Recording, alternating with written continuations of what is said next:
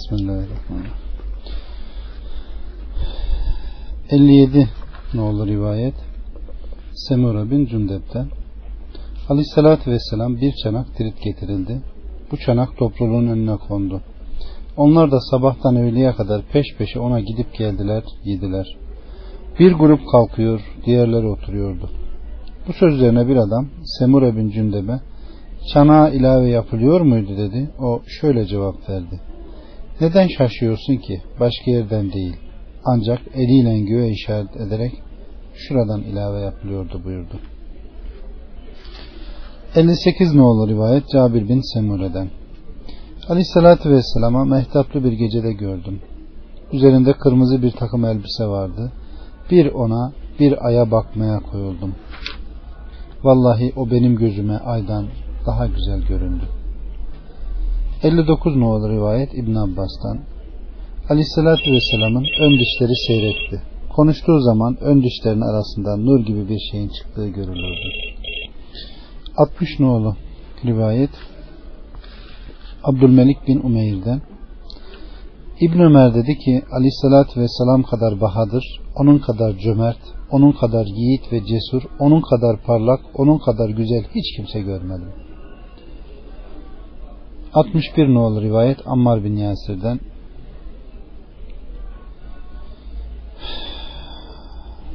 Onu görseydin güneşi doğarken görmüş gibi olurdun.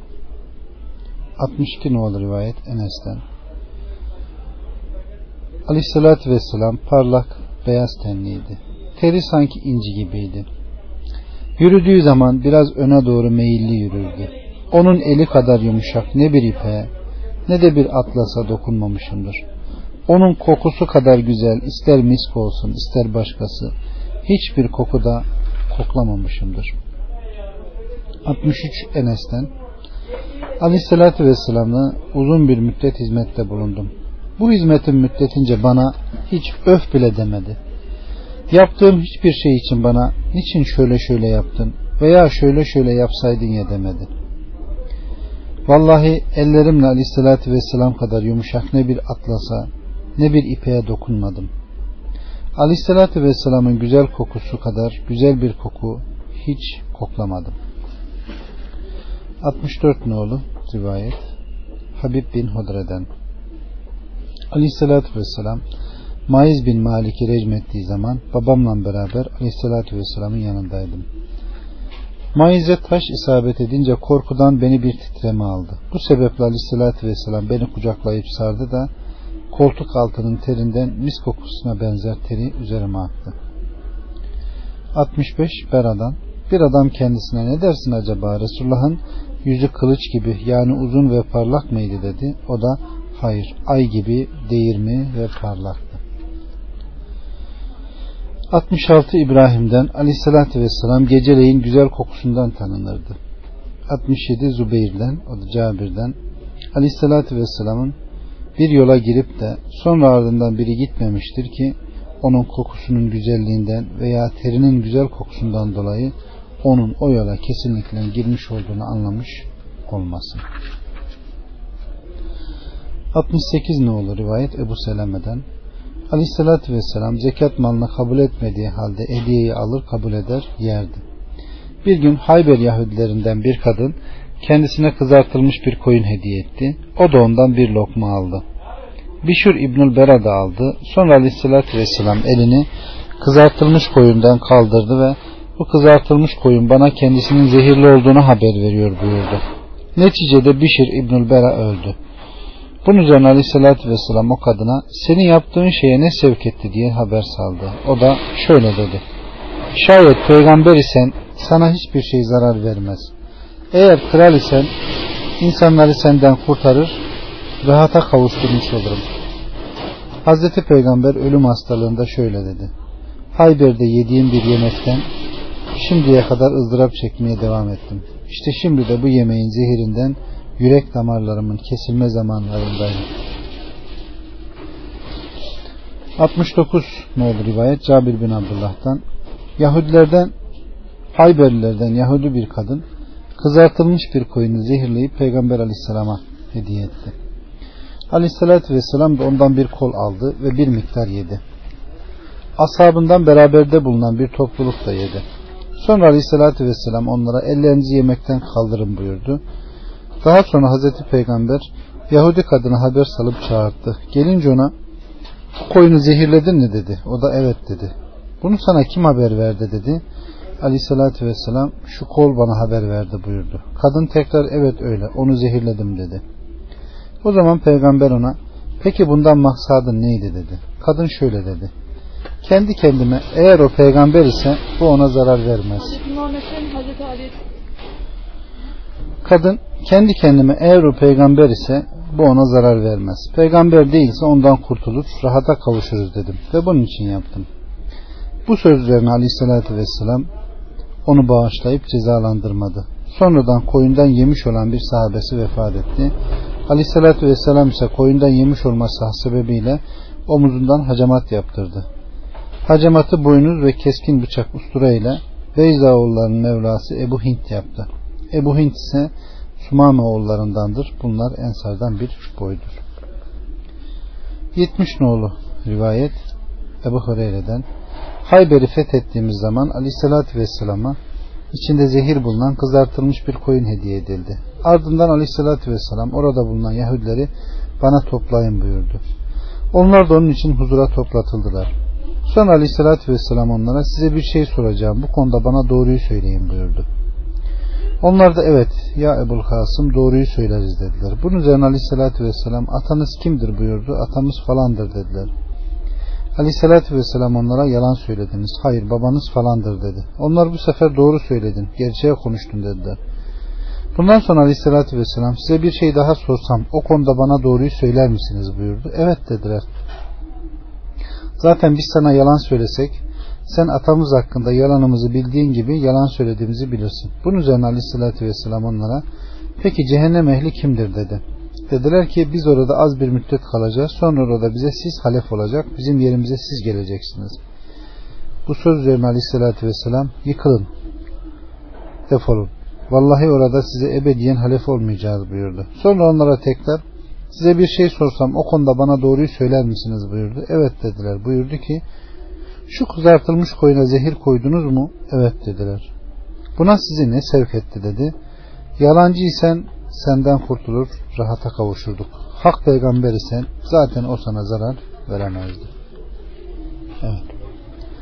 71 Cabir'den Aleyhissalatü Vesselam bir şey istenip de onun hayır dediği hiç vaki olmadı. 72 nolu rivayet Sehil'den Aleyhissalatü Vesselam çok utangaç idi. Kendisinden bir şey istenmezdi ki onu isteyene vermiş olmasın.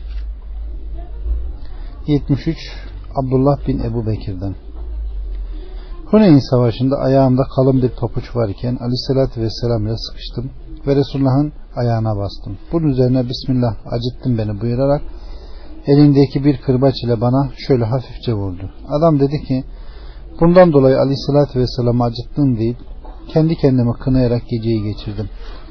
Bu şekilde Allah'ın bildiği gibi zor bir gece geçirdim. Sabahladığımızda bir de ne göreyim bir adam falan nerede diye beni araştırıyor.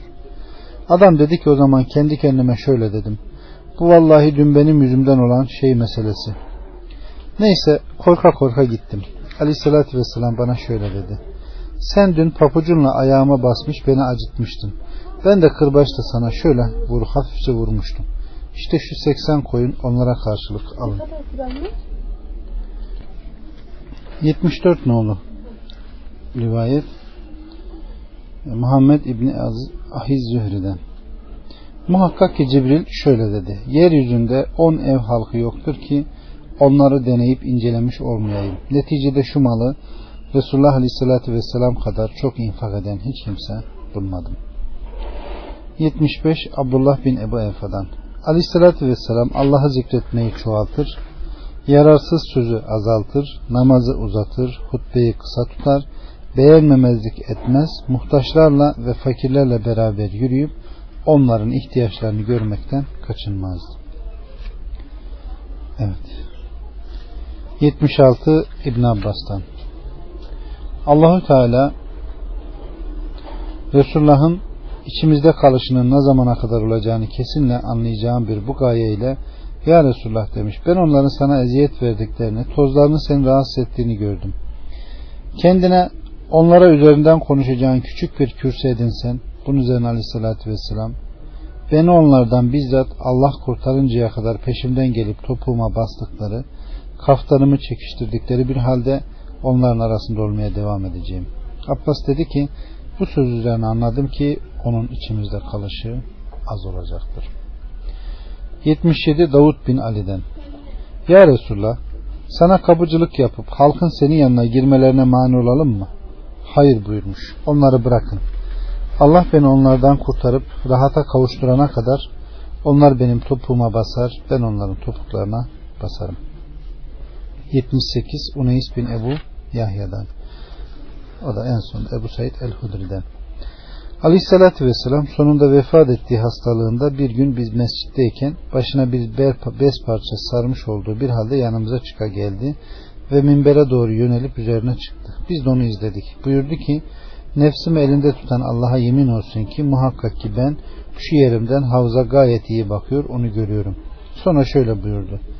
Bir kula dünya ve onun süsü teklif edildi de o ahireti seçti. Evet. Ebu Said dedi ki bunun manasını Ebu Bekir'den başka hiç kimse anlamadı. O gözlerinden yaş boşanıp ağladı. Sonra şöyle dedi. Hayır ya Resulallah. Babamız, anamız, canımız, malımız sana feda olsun. Sonra Aleyhisselatü Vesselam aşağı indi ve artık vefat zamanına kadar onun üzerine çıkıp dikilmedi. 79 nolu rivayet Ebu Muaviye Muveyhibe'den Aleyhisselatü Vesselam bir gün bana buyurdu ki ben Baki mezarlığındaki ma mezardakilerine mağfiret dilemekle emroldum. Binaenaleyh benimle gel oraya gidiyoruz. Ben de gecenin ortasında onunla beraber gittim. O onların ortasında durduğu zaman Esselamu Aleyküm ey kabir ehli buyurdu. İnsanların içinde bulunduğu durumdansa sizin içinizde bulunduğunuz durum sizi sevindirsin. Karanlık gece parçaları gibi fitneler gelmiş demektir. Bunların sonu başını takip edecek biri bitince diğeri başlayacaktır. Sonraki fitneler de ilk fitnelerden daha ağır ve sert olacaktır. Allah Resulü Aleyhisselatü Vesselam sonra bana yönelip şöyle dedi. Ebu Muhaybe şüphe yok ki bana dünya hazinelerinin anahtarlarıyla dünyada ebedi kalma imkanı sonra da cennet verildi. Ve ben bunlarla Rabbime kavuşma arasında muhayyer bırakıldım.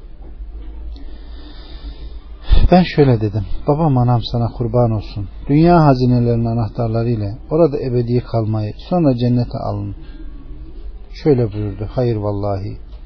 Rabbime kavuşmayı seçtim. Ardından Baki'deki ölülere mağfiret diledi. Sonra ayrılıp evine döndü. Bundan sonra aleyhissalatü vesselam sonunda vefat edeceği hastalık ve ağrıları başladı. 80 İbn Abbas'tan Nasır suresi indiği zaman aleyhissalatü vesselam Fatıma'yı çağırdı ve bana kendimin ölüm haberi verildi buyurdu. Bunun üzerine Fatıma ağladı. Aleyhissalatü vesselam ağlama buyurdu. Çünkü ailemden bana ilk kavuşacak olan sensin.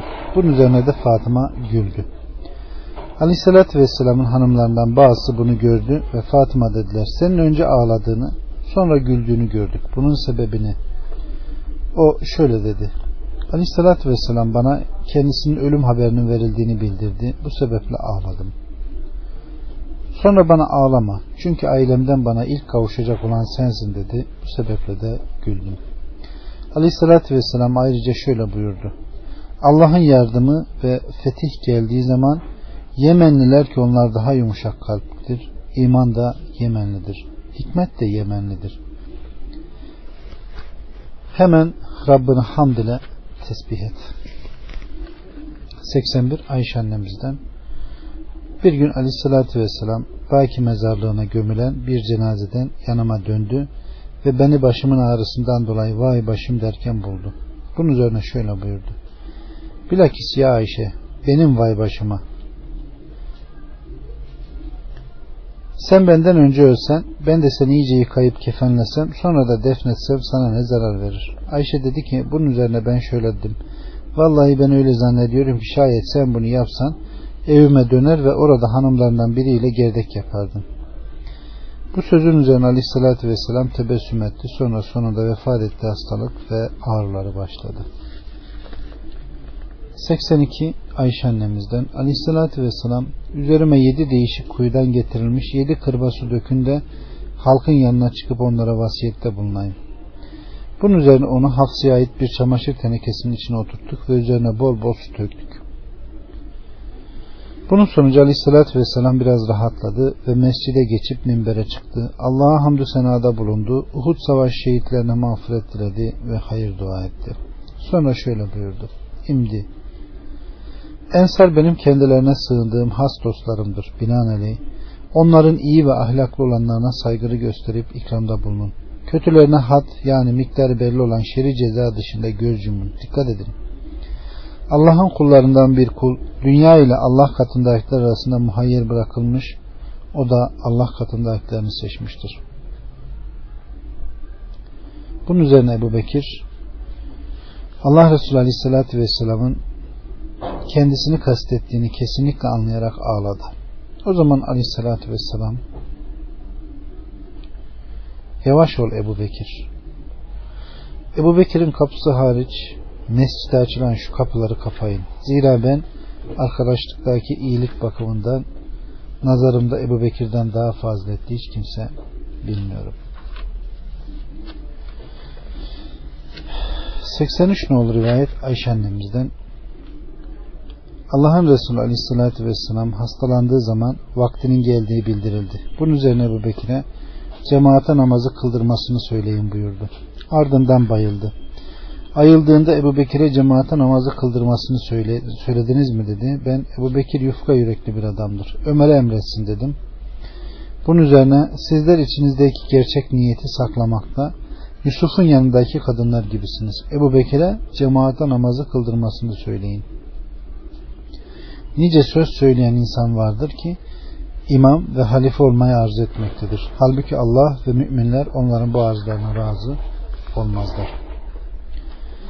84 İkrime'den Aleyhisselatü Vesselam pazartesi günü vefat etti. Bugünün geri kalanında gecesinde ve ertesi günü bekletildi. Nihayet çarşamba gecesi defnedildi. Aleyhisselatü Vesselam vefat etmemiştir dedi bazı sahabeler. Fakat Hz. Musa'nın ruhu göğe kaldırıldığı gibi onun ruhu da göğe kaldırıldı dediler. Derken Ömer ayağa kalktı ve şöyle dedi. Allah Resulü vefat etmemiştir. Fakat Hz. Musa'nın ruhu göğe kaldırıldığı gibi onun ruhu da göğe kaldırıldı. Vallahi Resulullah bazı toplulukların el ve dilleri kesmedikçe onları ortadan kaldırmadıkça vefat etmeyecektir. Sonra Ömer konuşmaya devam etti. Öyle ki konuşarak tehditler savurmasından avurtları köpüklendi. Bunun üzerine Abbas ayağa kalkıp şöyle dedi. Şüphe yok ki Resulullah vefat etti. O muhakkak ki bir beşerdir. Ey topluluk! Her beşerin değişime uğrası, uğraması gibi o da değişime uğrar. Binaenaleyh arkadaşınızı defnedin. Çünkü o Allah katında kendisini iki defa öldürmekten daha kıymetlidir. Allah sizi bir defa öldürür de onu iki kere öldürür mü? O Allah katında bundan daha kıymetlidir. Ey topluluk! O halde onu defnedin. Şayet dediğiniz gibi ise onu topraktan araştırıp ortaya çıkarması Allah'a güç gelmez. Vallahi Aleyhisselatü Vesselam yolu açıp dosdoğru bir yol haline getirip helalı helal, haramı haram kılıncaya, evlenip boşanıncaya, savaşı sulh yapıncaya kadar vefat etmedi. Koyun sürüsünün üzerlerine sopayla dikenli bitkileri dökerek ve su içtikleri havuzların taş aralarını eliyle sıvayarak peşinden giden çobanı bile içinizde bulunmuş olan aleyhissalatü vesselam kadar gayretli ve fedakar değildir. Ey topluluk artık arkadaşınızı defnedin. Bunun üzerine Ümmü Eymen ağlamaya başladı. Ona Ümmü Eymen aleyhissalatü vesselama, e, aleyhissalatü vesselama mı ağlıyorsun dendi. Vallahi ben Resulullah'a ağlamıyorum. Çünkü ben onun kendisi için bu dünyadan daha hayırlı bir yere gitmiş olduğunu gayet iyi bilmekteyim. Fakat ben gökten gelen haberin kesildiğini ağlıyorum. 85 nol rivayet Mekkul'dan Sizden birinize bir musibet ulaştığında o benden dolayı yani vefatın ve vahyin kesilmesi sebebiyle kendisine ulaşan musibet hatırlasın ve teselli bulsun. Çünkü bu en büyük musibetlerdendir. 86 Numan'dan Aleyhisselatü Vesselam sizden birinize bir musibet ulaştığında o benden dolayı kendisine ulaşan musibeti hatırlasın. Çünkü bu en büyük musibetlerdendir.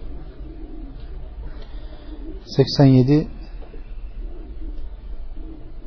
Amr bin Muhammed'den İbn Ömer'in Aleyhisselatü Vesselam'ı hiç andığını işitmemişimdir ki ağlamış olmasın. 88 Enes'ten Fatıma şöyle dedi. Enes Resulullah'ın üzerine toprak atmaya gönlünüz nasıl hazır oldu? Yine o şöyle dedi. Rabbına ne de yakın olan babacığım. Ah barınağı Firdevs cenneti olan babacığım. Ah ölüm haberini Cibril'e vereceğimiz babacığım. Ah kendisini çağıran Rabb'a icabet eden babacığım.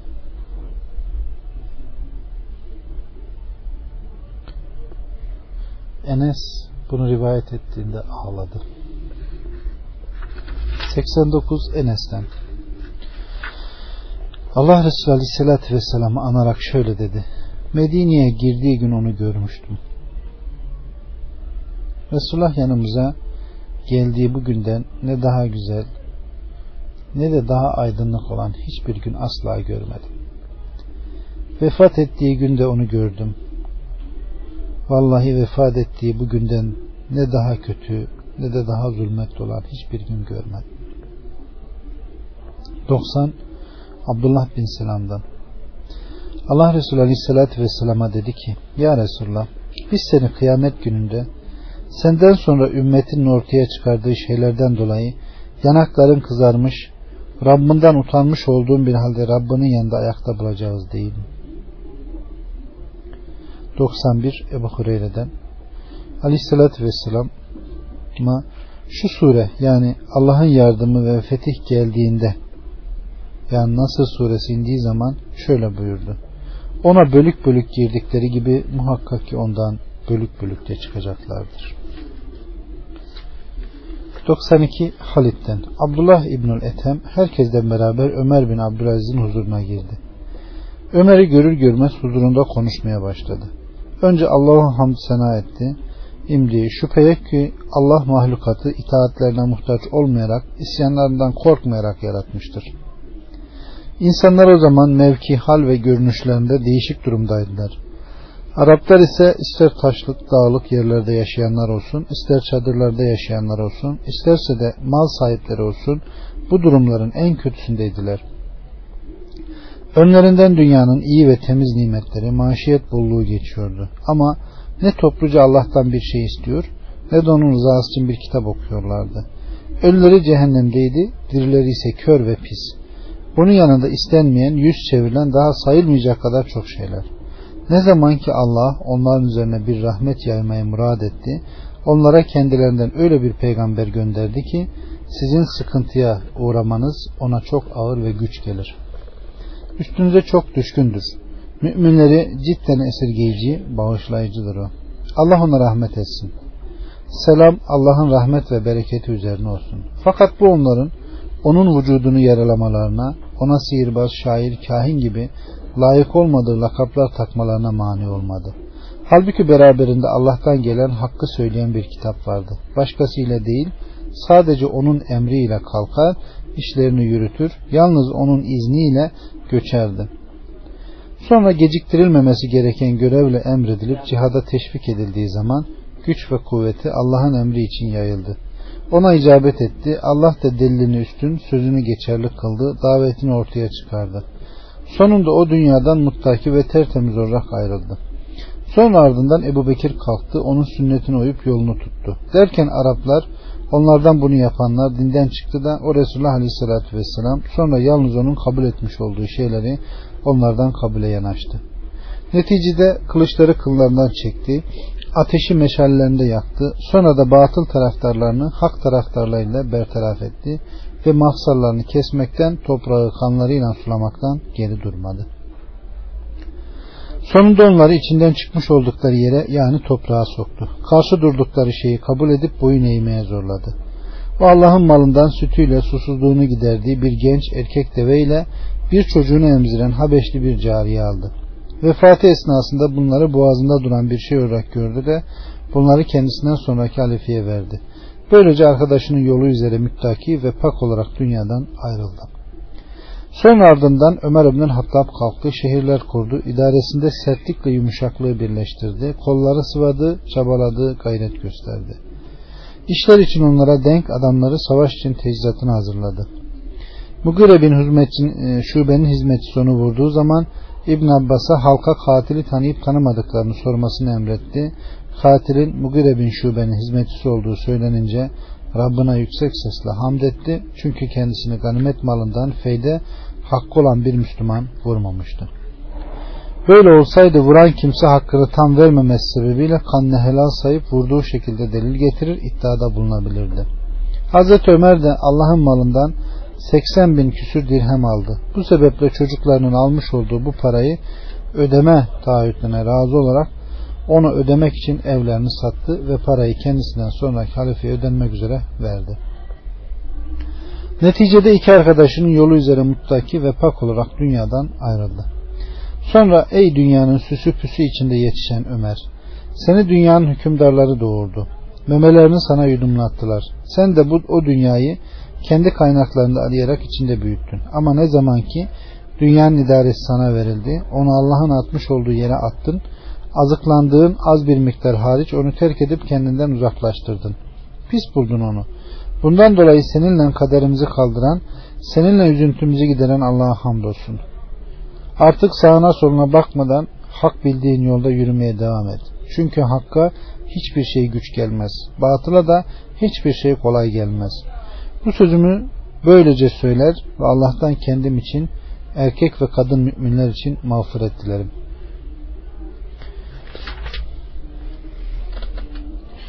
...93 Evs bin Abdullah'tan Medinelilere çok şiddetli bir kuraklık isabet etmişti de Ayşe'ye dert yanmışlardı. Bunun üzerine o şöyle dedi. Hazreti Peygamber'in kabrine bakın ve ondan göğe doğru bir delik açın. Öyle ki onunla gök arasında hiçbir tavan kalmasın. Onlar bu söyleneni yaptılar. Bunun sonucu öyle bir yağmur yağdı ki nihayet otlar bitti. Develer etlenip yağlandılar. Hatta iç yağından çatlayıp yarıldılar. Bundan dolayı bu yola yarık yılı adı verildi. 94 Said bin Abdülaziz'den Harre günleri çattığı zaman Allah Resulü Aleyhisselatü Vesselam'ın mescidinde üç gün ezan okunmadı. Kamet getirilip namaz kılınmadı. Said İbnül Müseyyep mescitten ayrılmamıştı. O namazın vaktini başka bir şeyle değil sadece Peygamber Aleyhisselam'ın kabrinden duyduğu bir fısıltıyla anlıyordu. 95 ne olur rivayet Kaab'dan Ayşe'nin huzuruna girmişti. Derken orada bulunanlar Aleyhisselatü Vesselam'ı andılar. Bunun üzerine Kaab şöyle dedi. Doğan hiçbir gün yoktur ki 70 bin melek Allah Resulü Aleyhisselatü Vesselam'ın kabrinin etrafını kanat çırparak Resulullah'a sallallahu aleyhi ve selleme salavat getirerek yere inmiş olmasın. Nihayet akşam olunca bunlar göğe yükselir. Onlar kadar başka melekler iner ve aynısını yaparlar. Sonunda yer kendisinin çıkması için yarıldığı zaman aleyhissalatü vesselam kendisini götürmekte olan 70 bin meleğin içinde dışarı çıkacaktır. Evet.